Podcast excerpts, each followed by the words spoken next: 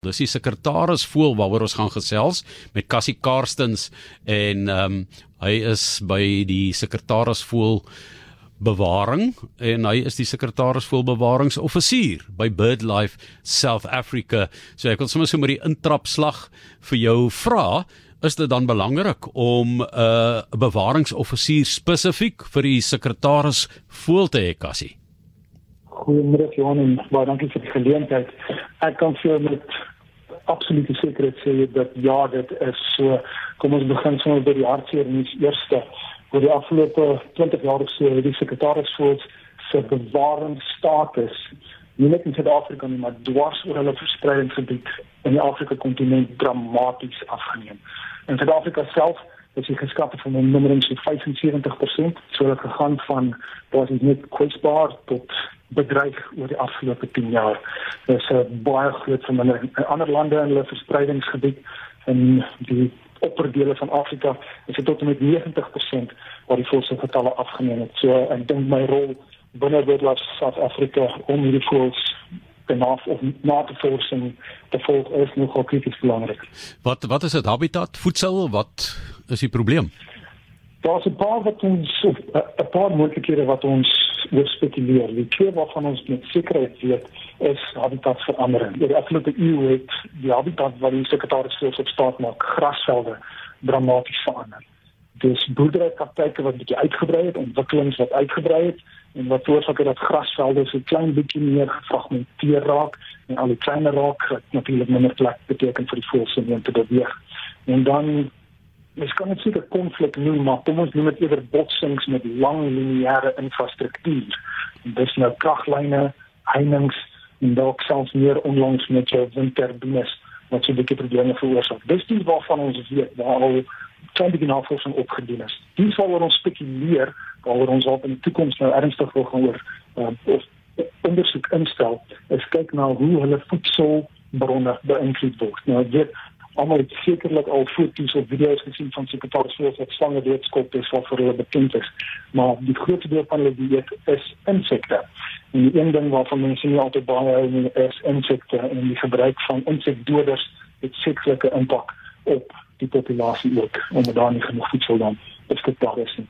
So dis dan is een van die maniere waarop ons gaan probeer kyk om hulle te te met na te volg en te sien wat die impak dit het en dan ons gaan probeer om sekere hoe kan ons dit noem landskapsbewaringspraktyke aan te beveel yes. sodat daal die boerdery praktyke wat staat maak op insekdoders en ook nie binne so 'n negatiewe impak op die voëls ook het nie. Kassie, ehm um, op die oomblik sekretaris voëls in Suid-Afrika, van hoe lank af is hulle al 'n bedreigde spesies en en en hoe lyk die populasie of bevolking? Ek kan gelukkig nie vir jou 'n spesifieke nommer gee van dis hoeveel voëls daar in Suid-Afrika voorkom nie. Hulle is daar in wyd versprei. En hulle kom in elkeen van die nege provinsies in die land voor. Die beste wat ek al moontlik vir jou kan gee is daai status van bedreig. Hulle is dit sedert as ek nou vinnig my datums reg onthou 20 sien, dis 2004 het hulle is hulle opgegradeer na hulle is so bietjie kwesbaar in 2011 nou bietjie meer erger okay jy moet nou so bietjie hulle is nou naby bedreig in 2020 as hulle as bedreig aangeteken deur die internasionale unie van bewaring die IUCN International Union for the Conservation of Nature. So dis die groot rol databoek waarvan mense hulle al sekerlik gehoor het. So binne Suid-Afrika volg ons daai status lyn en binne Suid-Afrika is hulle dan bedreig. Yes, jy het, jy het net gepraat oor habitatverandering, botsings met kraglyne, heininge, drade, daai tipe van dinge. Maar kom ons kyk 'n bietjie na BirdLife South Africa se bewaringswerk en navorsing op die spesies uh vir meer as 'n dekade wat julle um van baie spesifieke metodes gebruik maak. Ja, uh, van my voorgangers het wonderlike werk met GPS monitors alreeds gedoen. Uh, sedert 2011 het ons amper 30 kykens wat net amper amper uit die messe uit is 'n klein satellietmonitor aangesit en dan het ons hulle gevolg oor 'n sekere periode van tyd. Dis om te geleer het hoe jong voëls nadat hulle uit die nes uitgeklim het rond beweeg binne die omgewing waar hulle groot geword het en dan hoe hulle versprei. En ongelooflike data sal ingesamel en vir jy weet as jy daar was 'n voël wat net so buite Worden in die Vrystaat uitgebroei het en hy het op 'n stadium op die KwaZulu-Natal kus gaan draai en toe weer teruggevlieg oor Vrystaat toe. So die voëls beweeg ongelooflik ver en om op so reuse skaal enigstens te weet watter areas om te beskerm, is werklik iets wat ons sal leer uit hierdie klein fyn data uit. Ons hoop om in die toekoms nog meer van hierdie satellietmonitors uit te sit, maar die fokus in die toekoms word ons om op volwasse voëls te wees. Ons baie min studies wat kyk na volwasse voëls se beweging rondom hulle nesse eh, binne die areas wat hulle as 'n op 'n tuisgebied beskou. So dit is die dinge wat ons wat ons hoop om te doen. Ons het ook in die verlede kamera of lokval kameras gebruik om nesse te monitor om te sien hoe die ouers inkom, hoe gereeld hulle kos gee, hoe lank hulle in die nes spandeer en dalk selfs te kyk watter tipe voedsel aan die kykens gegee word. So dis die die twee groot dinge wat in die verlede alreeds gedoen is en ons hoop om daar te bou in die toekoms. Ja maar hoe um, moet die werk gedoen word en vir een persoon om nou kruis en dwars oor die land te hardloop en te kyk daarna in die voedselbronne in die omgewing, die klimaatsveranderinge, die weerpatrone, al hierdie tipe van dinge. So ek neem aan daar's 'n redelike span en 'n bewaringsplan wat in aksie is. Ooh, uh, die span is ongelukkig so groot soos wat ons dalk sou wil hê en dis is van die die groot struikelblokke binne bewaring altyd. Uh, dit is die die enigste grond persoon kan mens amper sê wat met sekretaris voetbal binne BirdLife South Africa daar is 'n paar ander bewaringsentiteite wat ons op na hand vashou om hierdie voëls te te bewaar en die projek die groter projek bestuur waarvan ek dit is maar net 'n handjievol mense. So die groot ding wat ons baie graag wil hê is publieke wetenskaplikes, burgerwetenskaplikes om ons te help om data in te vorder van hierdie voëls. Die groot ding wat ons op soek is binne die volgende jaarperiode is neste.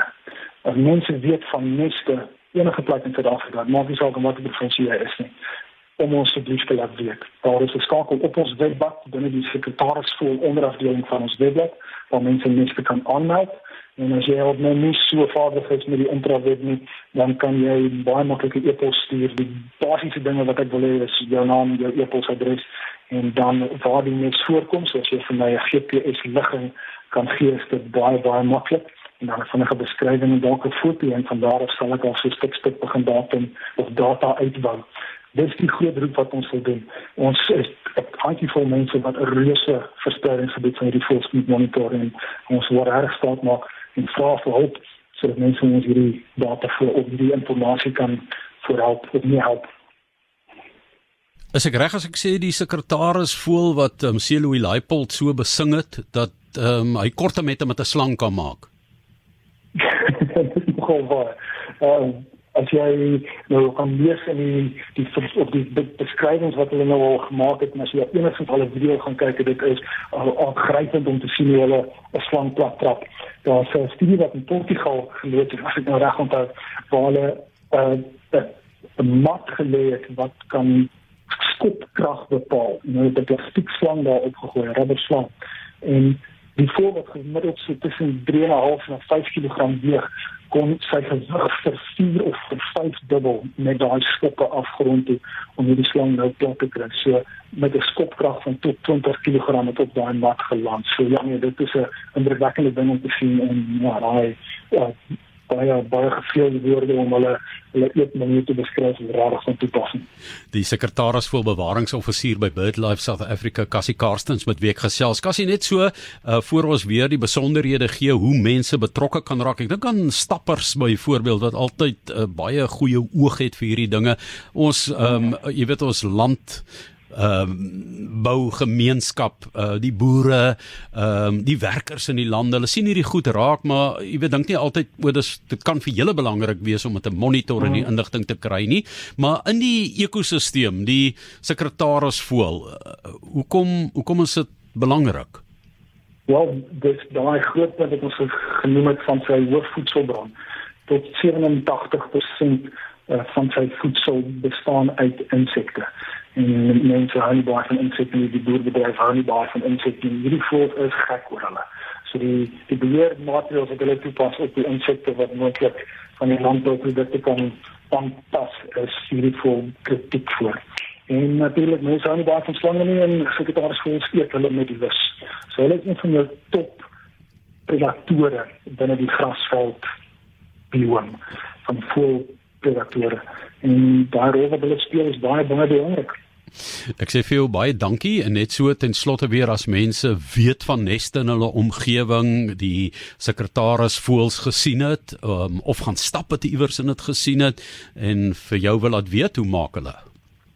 Wel, ek vertrou jy sal die skakel met die veel e-pos het op iewers vinnig op julle webblad kan laai of op julle sosiale media profile. Maar as jy op deadlife.org.za gaan doen en jy soek vir sekretaris vir projek, dan sou jy daar skakel kry waar jy 'n nes kan aanmeld of soek net Deadlife South Africa Secretary Bird Nest Data or Nest Submission om dit jy daar reg te kry. Of jy kan my direk e-pos met daai basiese data as jy een op jou kalender het of as jy weet van ene, dis kassie C A S S I E Carstens C A R S T E N S @birdlife.org.za